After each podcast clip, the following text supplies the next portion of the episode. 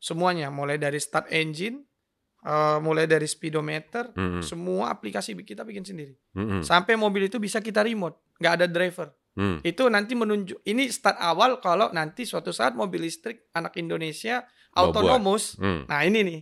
Oh gitu. Ini udah bisa kita remote dari jauh nih. Jadi ngalahin Tesla dong. Ya, Eh, targetnya seperti Target itu. gitu ya. Waktu Mau- itu. mau- maunya gitu ya. Waktu itu, Oke. ya kan?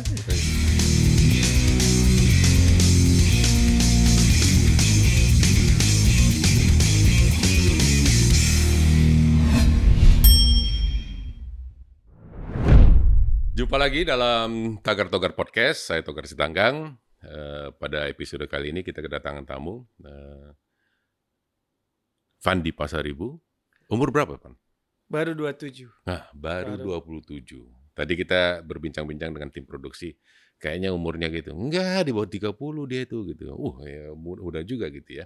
Eh, tapi sebelumnya jangan lupa untuk subscribe channel ini karena banyak lagi diskusi-diskusi dan perbincangan-perbincangan menarik ya eh, tentang dan apa saja eh, sawit termasuk di dalamnya eh, di dalam podcast kita ini untuk episode-episode me- mendatang. Pandi, Siap apa?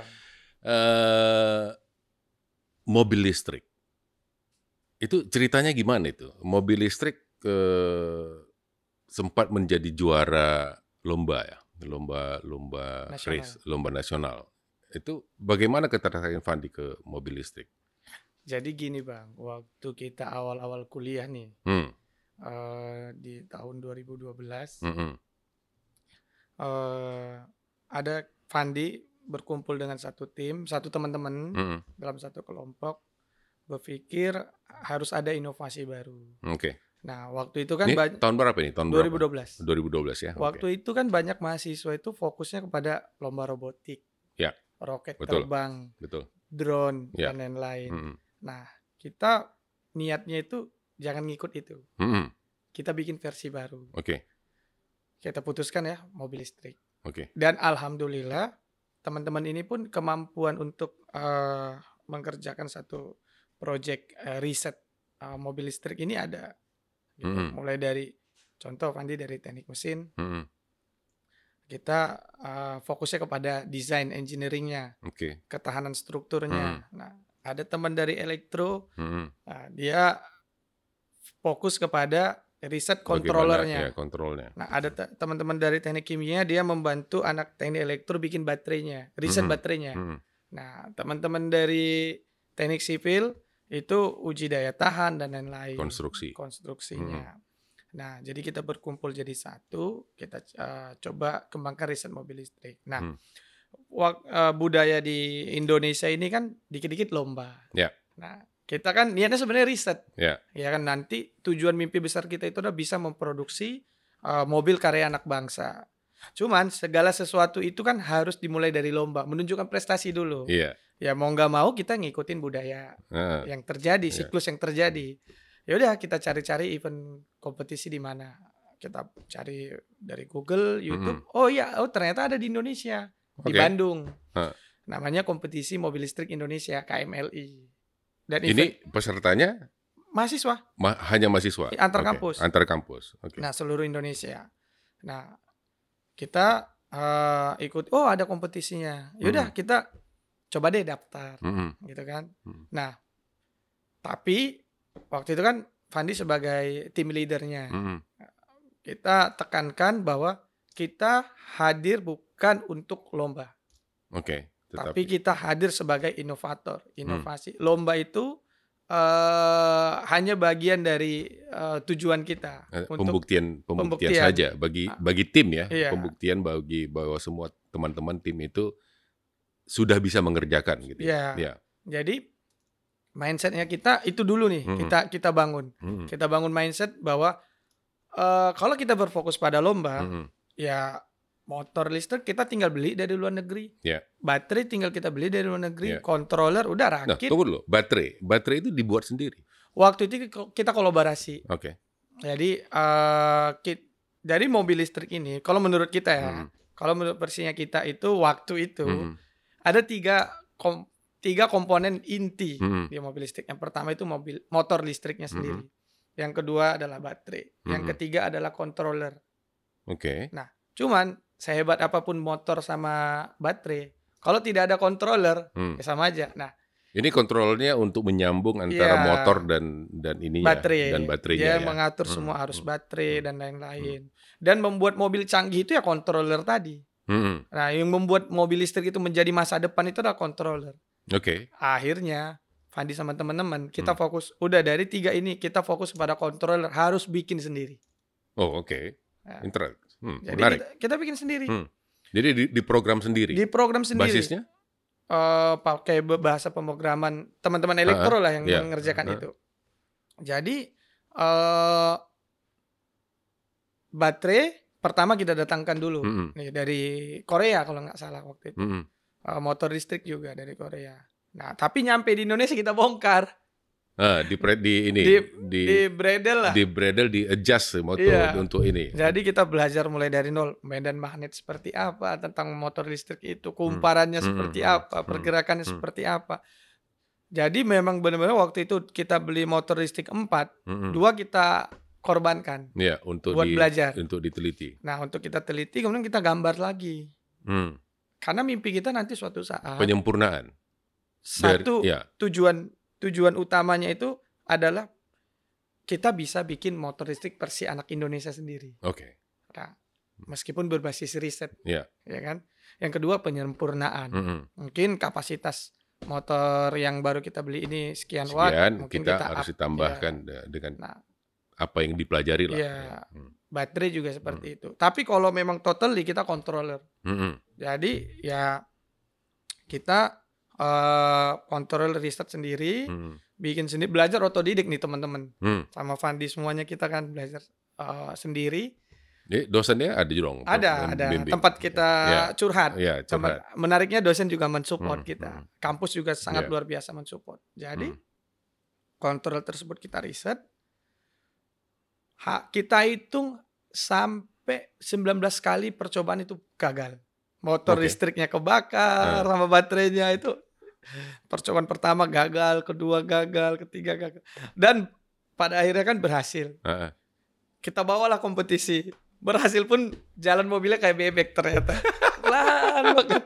Nah, tapi kita percaya diri. Kita juara terakhir. Ah. Event balapan kita juara terakhir. Ah. Tapi kita puas. Karena itu semua menjadi inovasi sendiri. ya. Inovasi sendiri. Kalau yang lain-lain itu mungkin ambil, ambil dan ambil, tinggal Ya, dirangkai dan dijalankan gitu ya. Dijalankan. Tapi ini yang yang kalian lakukan itu the baterainya diinovasi lagi, sistemnya di motornya diinovasi dan lain-lain. Itu tapi pencorot dong ya. Kalau kalau orang Medan kan pencorot gitu ya. Jadi eh yang membuat kita puas itu kan bang eh, bahasa anak Medan tadi apa namanya paten kali gitu Eh, ya. paten Membuat kali. kita merasa paten kali itu. eh teman-teman kampus lain akhirnya belajar sama kita. Oke. Karena kita pendatang baru nih. Mm-mm. Kita tidak sekedar datang itu tadi tidak sekedar datang hadir untuk lomba, Mm-mm. Tidak untuk menang. tidak untuk menang. Ya. Nah, jadi bodi mobil pun kita bikin sendiri, pakai fiberglass campur serat karbon. Hmm. Di mana teman-teman yang lain dari tahun ke tahun tahun ke gitu-gitu aja, pakai Hmm. cuman pakai plat, Hmm. pakai ini Hmm. eh, lapisan bodi Tapi yang kalau eh, apa ka- karbon bukan lebih berat dia jadinya. enggak? karbon lebih ringan. Oh jadi Kalau lebih ringan. processing eh, apa namanya serat karbonnya eh, detail dan Hmm. bagus itu bisa lebih baik. Mm-mm. Nah kita itu ada belajar juga sama eh, inovator di Jogja, Hmm. bengkel, Mm-mm. gimana sih cara bikinnya. Mm-mm. Sebenarnya mata kuliah kita pun ada terhadap, terhadap cuman kan kita taunya teoritis. Nah, Hmm. Ya. kita belajar kepada Ya, praktisi. kampus kan teoritis Ah. selalu kan. ya. Hmm, Jadi terus? kita belajar, kita datang, hadir semua orang, wah ini mobilnya kok dari tampilan dari luar bagus. Iya. Ya kan? kayak kayak F1 F1 gitu ya. Iya, Eh. jadi tampilan catnya rapi, Eh. bodinya rapi, tidak ada eh, Bukan- tidak ada Bukan kaleng-kaleng bukan kan? kaleng-kaleng kalau kata anak Medan.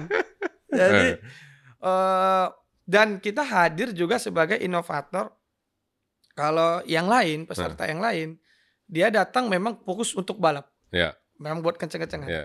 Kalau kita kita ciptain teknologi. Mm-mm. Waktu itu kita hadir, meskipun tidak ada kategorinya, Hmm. kita bikin aja. Kategori sendiri. Kategori sendiri, maksudnya versinya kita. Ya, versinya Kita inilah. mobilnya waktu itu 2013 adalah mobil listrik yang pertama kali dikendali pakai Android. Oke. Jadi smart system semua. Mulai dari nyalain Ba- mobil Basisnya Android. Android. Mm-mm. iOS juga bisa. Mm-mm. Cuman waktu itu kita tampilkan yang Mm. Android.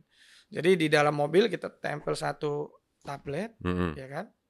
Eh, semuanya mulai dari start engine, eh, mulai dari speedometer, Mm-mm. semua aplikasi kita bikin sendiri. Mm-mm. Sampai mobil itu bisa kita remote, nggak ada driver. Mm. Itu nanti menunjuk. Ini start awal kalau nanti suatu saat mobil listrik anak Indonesia Mau autonomous. Mm. Nah ini nih, Oh gitu. ini udah bisa kita remote dari jauh nih. Jadi ngalahin Tesla dong. Ya Eh, targetnya seperti Target itu. gitu ya. Waktu Mau- itu. mau- maunya gitu ya. Waktu itu, ya kan? Nah, tahun pertama kita lewati Hmm. risetnya. Tahun kedua kita perbaikin lagi. Hmm. 2014 tampil lagi kita dengan teknologi baru. Teman-teman udah mulai ngikutin gaya kita. Hmm. Kita inovasi baru lagi. Hmm. Ini apa lagi nih mobilnya Pandi sama teman-temannya ini. Kok Yang- beda lagi nih Kau ya? beda lagi gitu Kita kan. udah belajar dua tahun dari dia, ini sekarang dia muncul yang baru iya, lagi gitu ya. kan. Eh, waktu itu hampir rata-rata mobil balapnya teman-teman kayak go-kart pakai bannya masih pakai ban ban go-kart atau sepeda motor. Ya. Kita hadir pakai ban mobil Ban mobil langsung yang tipe yang kecil. yang kecil. Ah, Ah, Jadi kita datang. Ah ini nggak mungkin menang ini. ah. Karena gesekan apa Iya, segala iya, macam iya, kita iya. dihitung itu. Kita buktiin Hmm. juara satu kita. gitu Ah, ya. Jadi Sudah dua tahun 2013 ya. Kita juara terakhir. 2000 kita juara satu. dari dari dari apa yang paling akhir menjadi yang paling pemenang gitu. Iya, pemenang. Dan pada saat itu eh teman-teman juga udah mulai ngikutin sistem pakai Android. Mm-mm. Kita udah melompat lebih jauh lagi. Nah, gitu. pakai apa lagi sekarang? Jadi kita udah tidak hanya tampilan speedometer eh, Hmm. di dalam sebuah tablet, tapi kita bisa live streaming. Oh, Kalau oke. podcast ada waktu itu, Eh, Pak, mobilnya eh. bisa podcast itu, Pak. udah langsung ya, Udah udah langsung. Jadi orang bisa nonton langsung di di di di, di, di- dari jarak jauh. Kita Heeh. kan share nih Ah, ke teman-teman di di, di kampus. Nggak usah datang jauh-jauh ke Bandung, kalian bisa nonton. ah. Jadi mobil itu kita pasang semua kamera, kamera, ya. ya kan? Eh, kita live kan di Facebook, Hmm. di Twitter, Mm-mm. di YouTube. Mm-mm. Dan kita udah kon teman-teman dari apa namanya software Hmm. engineering eh bikin pemrograman mobilnya Hmm. mungkin dari kecepatan sekian dia ngupdate. Oke. Wah, ngupdate di Twitter, Nah, ngupdate di sekian, di sekian di, gitu di ya. Facebook. Dia bikin status sendiri. Oh, oke. Oh, ya kan pakai hashtag. Iya. Kalau ada podcast Bang kita bikin hashtag tagar togar waktu itu Bang kalau bisa.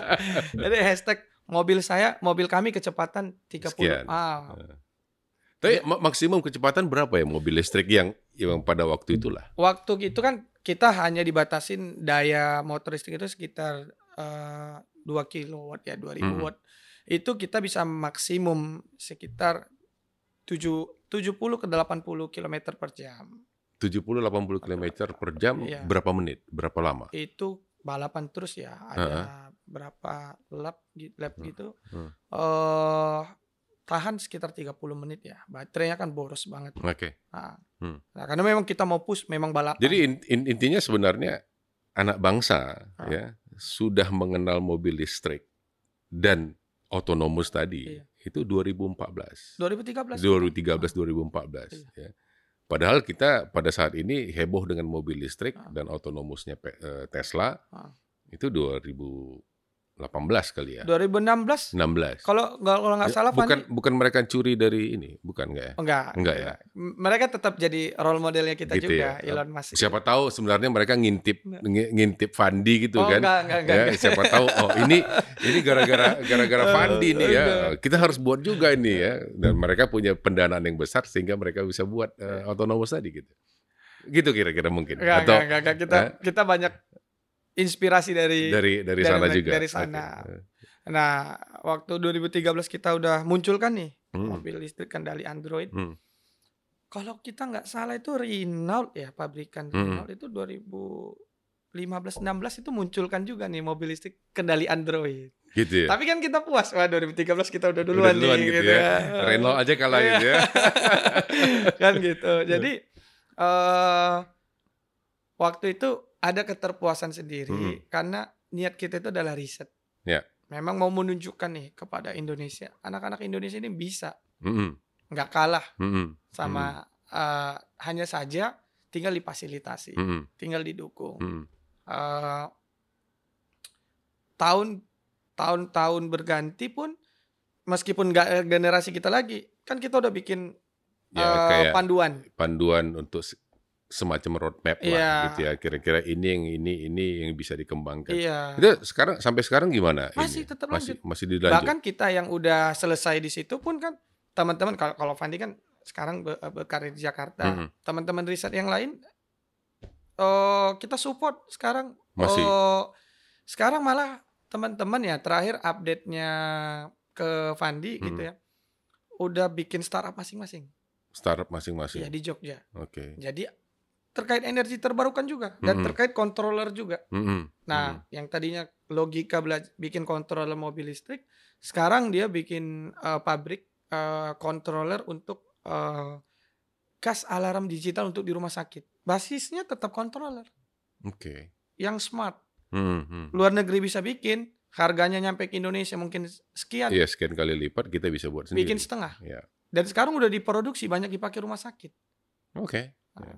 Jadi inovasi. Iya. Ya. Teman-teman yang bergerak di energi terbarukan lanjut lagi. Hmm. Sekarang lagi ngembangin PLTS. PLTS. Iya. Oke. Dan energy saving.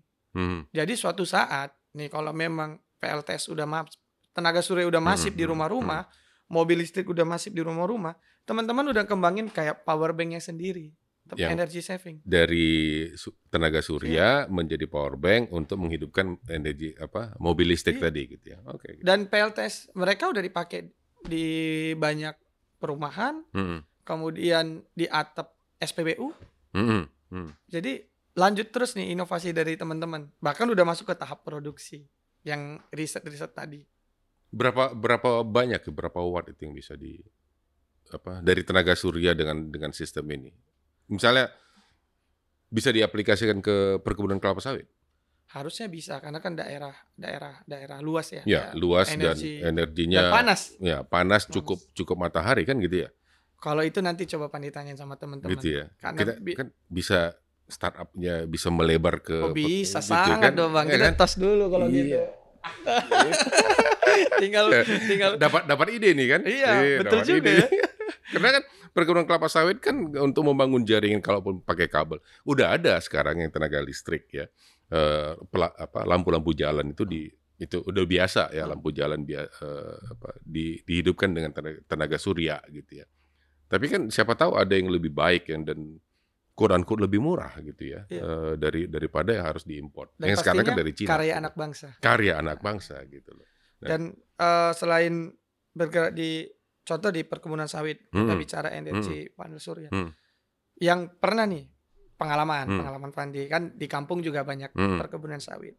Di dalam suatu kawasan sawit itu kan sinyal susah. Iya, Ya, sinyal betul. kan susah. Iya. Nah, kita juga kembangin satelit satelit itu Yang kecil-kecil. yang kecil-kecil. penguat. Penguat sinyal. Oke. Jadi bisa masuk- Itu karena kan ya kita tahu eh, apa harus dipilih satu tempat untuk bisa eh, menjadi apa menjangkau segitu luas Iya. gitu ya. Kalau dengan inovasi-inovasi seperti ini kan mungkin dengan sel-sel kecil Iya. ya eh, yang bisa ditempatkan di perkebunan sawit yang segitu le- eh, lebar ya luas gitu ya. eh, akhirnya bisa bisa komunikasi bisa lebih lancar Lebih di lancar. perkebunan sawit daripada itu harus dilakukan itu. harus dong. Kasih tahu dong teman-teman itu supaya lebih inovasi ke perkebunan kelapa Pulang sawit. dari sini Fandi telepon mereka semua. Gitu ya. Kita, kita Karena- meeting. karena karena dapat ide dari Iya. dari sini gitu ya. Jadi eh, hari itu detik itu juga real time harga sawit tahu ya gitu kan. ya. Iya. Jadi nggak nggak delay. Ya, itu karena eh, permasalahan harga sawit itu kan kadang kan ke, ke petani sawit kan datangnya mungkin terlambat gitu ya. Eh, jadi sebenarnya anak-anak muda sekarang harus bisa inovatif ya. Eh, bisa memberikan informasi harga-harga sawit itu langsung kepada petaninya gitu ya. Bukan dia mendengar kepada dari dari tengkulak ataupun pengumpulnya kan gitu ya. Betul. Itu hal yang baru ini bisa ya, Fandi dan teman-teman bisa lakukan ide baru. gitu ya. Harusnya ini bisa berkolaborasi dengan teman-teman agroteknologi. Ya, Ya ya. kan? supaya kalau agroteknologi sekarang kan eh, lebih banyak juga hortikulturanya, harga Oh. cabai dan segala macam sudah ada juga gitu ya. Tapi kalau harga sawit aku belum begitu dengar gitu ya untuk ini. Mungkin bisa dikembangkan sama Boleh nanti Pandi coba ya kumpulkan teman-teman lagi. langsung dapat ide dan eh, kita kerjakan gitu ya. Iya, kita buat dalam satu sistem. Ya. Ya kan kita buat dalam satu sistem, dalam satu aplikasi. Karena hampir semua sekarang tiap rumah udah punya gadget. Iya, udah udah punya HP Udah semua punya kan. HP. Sa- Satu rumah minimal minimum dua, Dua dua, HP. dua, dua HP kan. Satu si bapak, satu si ibu. Belum lagi anaknya kalau udah remaja kan. Iya. Gitu. Tinggal eh, dia unduh Hmm, aplikasi. jadi tapi kan deh. sistemnya kan kita udah siapkan. Iya. Nah, Fa- Fandi asalnya dari mana nih? Dari Barus apa? Barus. Barus. Barus eh, apa? Tapanuli Tengah. Tapan dulu di tengah. Peradaban Sumatera beras eh, apa? Pelabuhan pertama Iya, ya betul. di di apa? Di Sumatera di Indonesia ini sebenarnya yang sudah dikunjungi dari ratusan tahun yang lalu adalah Barus. Barus. eh, tempat masuknya perdagangan di eh, setidaknya Sumatera. Gimana sekarang kondisi di ini? Perkebunan sawit banyak? Perkebunan sawit banyak di Iya. Tapan dulu tengah ada beberapa HGU ya. Mm-mm, Tapi kan Barus ini kan udah terpecah-pecah. mm-mm, Udah terbagi ada beberapa kecamatan. mm-mm, Dulu pun beberapa ceritanya ya, dulu beberapa daerah Aceh pun contoh Aceh Pantai Barat itu masuk kawasan Barus. mm-mm.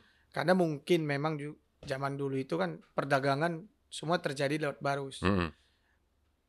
Perdagangan itu ya kapur Barus tadi. Iya, Yang mahal itu kan kapur Iya, Barusnya. kapur barusnya. Jadi di, di, di, dikirimnya Kemenyan, Kemenyan, Hamijon. Aminjon. Ya, kalau orang sana tahunya Kemenyan, apa Kemenyan? Kan tahu. Hamijon. Aminjon. Oh, Hamijon. Oke, Nah. oke.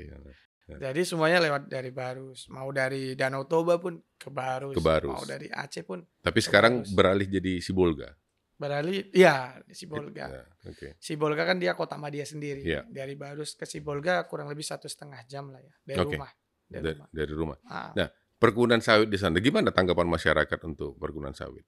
Kalau terkait perkebunan sawit ya, Hmm. eh, masyarakat itu pada intinya berharap terhadap satu contoh plasma, Mm-mm. ya kan, berharap. Kedua eh apa namanya harga. Mhm. Nah, kadang kan di daerah lain Harganya udah sekian, udah di atas 2000 Ya. sama di kampung masih eh, 1.500. di bawah eh, 2000. Ya, Tapi pada dasarnya di sana masyarakat bergantung hidup dari sawit. sawit. Sangat sangat bergantung. Sangat banyak. Dan perekonomian bergantung dengan sawit, Sawit. juga dong berarti. Iya. Bisa. Terus eh, apa sebagai generasi X ya. Kalau 27 tahun aku udah milenial X Y Z gitu ya. Itu di, di mana itu tanggapan sebagai apa Fandi sebagai apa eh, generasi muda mengen- melihat sawit ini? Kalau menurut Pandi sih ini nih Ya. sebagai kita eh, orang inovasi. Ya. Nah, Pandi eh, karena berkecimpung di dunia inovasi. Hmm. Kemudian eh, berkecimpung di dunia sosial juga Hmm. banyak eh, bergerak di bidang Hmm. sosial. Sawit ini menurut Pandi harapan sih, Mm-mm. harapan. Tapi yang didengar dari teman-teman dari yang seumuran ataupun lebih muda dari Fandi sendiri gimana? Lingkungan Ya. karena memang hidupnya dari sawit ya positif. Karena memang hidupnya tadi Ya. dari sawit. Ya, Nah. karena banyak juga eh, contohnya tadi malam itu eh, aku tuh bergabung dengan diskusi di satu salah satu BEM ya Ah. Universitas eh, Negeri itu negatif banget itu eh, apa melihat sawit itu sangat negatif. Kalau menurut Pandi sih mungkin karena lingkungannya aja. Ling- Lingkungan karena mereka lingkungan mereka Nah. berbicaranya hanya Kalau itu itu saja bapaknya juga petani sawit pasti Eh, udah udah dikemplang deh ya. ah kau banyak kali cerita kau tuh eh. Eh, kau kau bilang kau sa- sawit itu jelek dari dari sawit ininya kau makan kan gitu ya ya, mau goreng ikan pakai minyak sawit. pakai minyak sawit ya. Logika Go- Fandi cuma di situ aja sih. Gak, gak usah goreng ikan. Ya. Goreng-goreng apa pun ya. Gorengan kita beli di di pinggir jalan juga pakai minyak sawit ya. Mandi pun pakai Mandi pun pakai. turunan Tapi dari sawit. Banyak milenial ataupun generasi Z ini selalu mengatakan sawit ini itu lingkungan dan segala macam itu gimana itu? Kalau menurut Fandi sih itu efek dari kampanye. Efek dari kampanye. Kampanye terhadap ya negatif sawit ya. Mhm, Menurut Fandi sih. ya. mhm, mhm, Kalau Fandi sih lebih kepada melihat impact. mhm. Ya sawit ini sampai sekarang impactnya bagus. Nah. Bagaimana bisa menyadarkan milenial itu bahwa impact itu lebih penting daripada mendengarkan kampanye ini? Kita berarti balik lagi kampanye impact-nya lebih kita besarin lagi. Lebih besarin lagi, Iya. termasuk podcast ini kan. Iya, ini kan salah satunya. Ini salah satunya, mantap. Ini aja nih, nih, nih Fandi nih Ya, sebagai ya. milenial Hmm. melihat kita bicara ya dari Tapanuli Tengah Sawit Hmm. kan berbatasan langsung sama Aceh Pantai Barat. Ya. Ada Aceh Singkil, ada Aceh Subuh, Subuh Salam, salam. ada Aceh Selatan. Ya. Sawit semua, Hmm. ya kan. Dari situ Fandi melihat jadi kepikiran eh, sesuatu ino, inovasi apa lagi? Hmm. Yang bisa dibuat Mungkin untuk nggak bisa inovasi teknologi, tapi sesuatu ide bagaimana bisa membantu eh, petani-petani tadi. Hmm. Contoh masalah harga. Hmm. Di daerah lain mungkin udah di kita anggaplah di Simalungun ya. Hmm. Di Medan udah di atas 2000, Hmm. di kampung masih 1800. Hmm. Nah, ide Abang tadi kan pasti Hmm. kita bikin sat- sat- Ya. satu sistem, Ya. ya kan? Kemudian petani-petani sawit kesusahan pupuk. Oke. Setelah Pandi pelajari bukan karena industrinya enggak, mungkin dari usulan dari pemerintah setempat juga. Yang kurang. Kurang. Peran dari pemerintah Iya. setempat. Akhirnya nih Pandi kayak di Aceh nih, Hmm. Pandi ketemuin sama bupati-bupatinya kan Hmm. atau kepala-kepala daerahnya. Hmm. Diskusi, Hmm. diskusi. Hmm. Tahun ini naikkan lagi usulannya Hmm. biar diperhatikan sama pemerintah pusat Hmm. terhadap alokasi pupuk sawit Alokasi tadi. pu- hmm. Alokasi pupuk. Pupuk lah. ya ya. kan? Hmm. Oh, mereka pun baru ngeh, Hmm. baru tahu. Kita kan hanya bisa sosial tadi memberikan Hmm. Hmm. memberikan informasi. Hmm. Nah, kalau Tapi mungkin mungkin eh, banyak juga pemerintah pemerintah daerah itu yang mungkin kurang mengerti peran dari sawit ini juga. kali. betul. Ya. Jadi eh me- menariknya kalau menurut Fandi ya Hmm. untuk kampanye positif sawit dan agar kepala-kepala daerah eh, berperan terhadap Hmm. sawit. Kita cari nih, Bang, Hmm. kepala-kepala daerah yang backgroundnya petani sawit. Hmm. Oke, Nah, mereka yang kita ajak untuk ajak dan untuk kita berbicara. munculkan Hmm. juga di depan. Hmm. Itu menarik menurut Andi. Agar memberikan kepercayaan Hmm. terhadap petani Hmm. dan memberikan impact informasi impact positif terhadap orang-orang yang anti Yang anti sawit ini, sawit tadi, yang milenial tadi. anti sawit tapi makan gorengan gitu Makan ya. gorengan. Sabun juga dia. Sabun juga ya, mandi usah juga. mandi kalau gitu. ya kan? Jadi oh, ini menarik kalau menurut Hmm. Ini dilakukan. Hmm. Terlebih contoh nih Fandi lihat dari mulai dari Aceh Pantai Barat Hmm. tersebut ya. Itu sampai Sumatera Utara Pantai Barat. Hmm. Pembelian bibit kecamba ya, Ya, kecamba. Semua kan dari Medan. Iya. Sampai kepikiran sama Fandi, gimana kalau di sini dibikin penangkaran. Ini Hmm. mau Fandi lakuin nih, Bang. Ini mau Fandi melakuin. Penangkaran. Tapi sebenarnya bisa dilakukan kerjasama sebenarnya. Kerjasama. Ya dengan dengan PPKS Medan PPKS, itu iya. atau eh, Lonsum ataupun eh, Sokvindo. Sangat bisa, sudah Fandi bangun Oh, sudah komunikasi. Wih, udah dibangun. Memang inovasi terus jalan Iya. ya gitu ya. Karena kita lihat ya ongkos perjalanan. Hmm. Terus banyak petani tidak ada akses. Mau Ya. ke Medan tadi beli di mana? Ya, Akhirnya Dan di- dan bayarin. dan juga banyak yang eh, apa istilahnya eh, sertifikat bodong. Ya, betul. Ya. Itu pernah dulu ada tiga kelompok Hmm. ketemu sama Fandi pas lagi lebaran ini Hmm. pulang kampung. Hmm. Sertifikat bodong Akhirnya mereka nanam yang yang jelek. yang jelek. Yang akhirnya mereka aku beberapa kali dengar cerita itu mereka nanam 10 hektar misalnya 10 hektar gitu ya eh, yang berbuah itu hanya satu hektar Hmm. yang sembilan lagi nggak nggak ada buahnya itu kan suatu apa tragis ya karena itu investasi juga kan bagi bagi bagi mereka Bagi yang yang mereka. kecil-kecil ini Ya, gitu betul. ya. Itu eh, tapi memang belum ada ya di daerah apa ada PPK apa eh, penangkaran di Ada yang kecil-kecil. Ini paling baru mulai, baru mulai, Hmm, baru start. hmm, Contoh di di di eh apa namanya nama daerahnya nih? Hmm. Di daerah Subulu Salam Hmm. baru. hmm. Di di Tapi Singkil ini petani-petani ini eh, eh, banyak juga permasalahannya adalah apakah mereka tahu mereka nanamnya di mana? Apakah itu apa tidak kawasan hutan? Ya, kadang edukasi ini juga Iya, pada ini kan petani Ya mungkin butuh juga dari pemerintah pemerintah daerah. daerah juga betul, kan memberikan eh, ini ini kawasan hutan nggak boleh Iya, nggak boleh betul. tanam gitu ya. betul. Karena eh, bisa saja yang sudah tertanam sekarang ternyata berada dalam kawasan, Kawasan, hutan. ya betul. Memang eh, peran serta pemerintah daerah itu sangat tinggi mengayomi ya, kalau Mm-mm, bahasanya mm. mengayomi petani-petani tadi. Hmm, Mulai dari pemilihan kawasan, hmm, eh, jangan sampai salah masuk. hmm, Kemudian mereka beli bibit di mana, hmm. ya kan? Itu pemerintah daerah. Inilah yang lagi Pandi. Baru kemudian untuk me- apa namanya menge- me- me- memberikan penyuluhan agar bagaimana cara menanam sawit yang Yang benar. Itu benar. itu sebenarnya yang ketiga gitu. Iya. Tapi yang paling yang paling penting setuju ya. Nah, satu pemerintah daerah harus memberikan memberitahu bahwa ini kawasan atau kawasan tidak. betul. Ya, kedua harus eh, apa bibitnya Iya. eh, inilah yang benar gitu. Iya, Karena betul. Kalau bibitnya yang itu tadi, kalau kasus bibitnya yang jelek ya bisa jadi hanya 10% Iya. yang benar-benar bisa menghasilkan daripada eh, yang lain-lain Iya. gitu. Dan ini sudah Van dibicarakan dengan bupati-bupati di di sana. sana. Iya. ya. Jadi Tanggapan mereka? mau, memang itu menjadi kewalahan selama ini. Mhm, Mereka tidak terlalu monitor, mhm, gitu kan.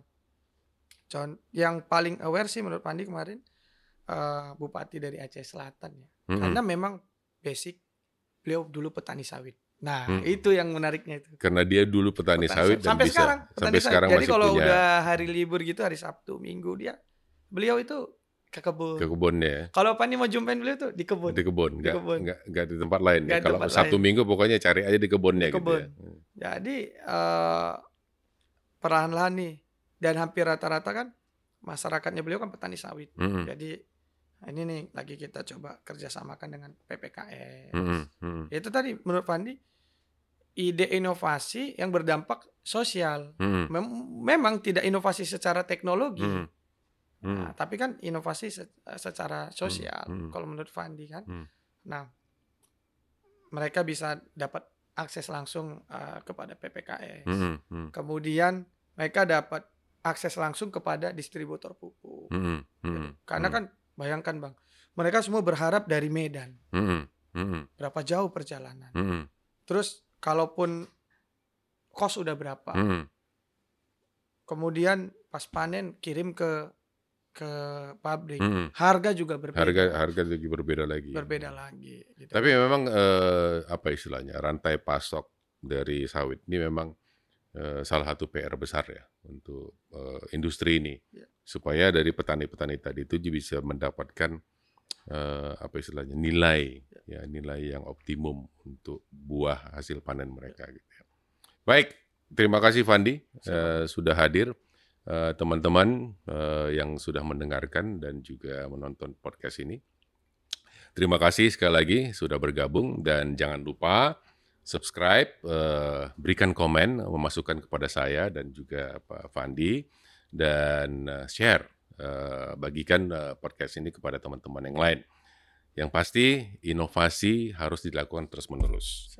Kalau kita hanya berhenti di satu satu titik ya dan tidak memberikan inovasi-inovasi lanjutan, eh, kita tidak akan berkembang. Iya. Ya, yang tadinya mobil listrik hanya mendapatkan eh, urutan terakhir, Iya. ya eh, dengan inovasi-inovasi baru bisa menjadi urutan pertama Dan tetap Ya. bertahan loh sampai dan sekarang. tetap bertahan sampai sekarang. juga tetap ber- ya, sampai sekarang masih tetap juara dan bisa menjadi eh, apa istilahnya eh, motivasi bagi yang lain-lain, ya Nah. teman-teman yang lain untuk bisa lebih berinovasi. Inovasi penting dan inovasi harus tetap dikembangkan sebagai eh, generasi muda anak bangsa. Tetaplah berinovasi agar kita bisa tetap maju dan maju dan maju. Terima kasih sekali lagi. Sampai jumpa di episode mendatang. Saya Togar Sitanggang. Bye. Terima kasih.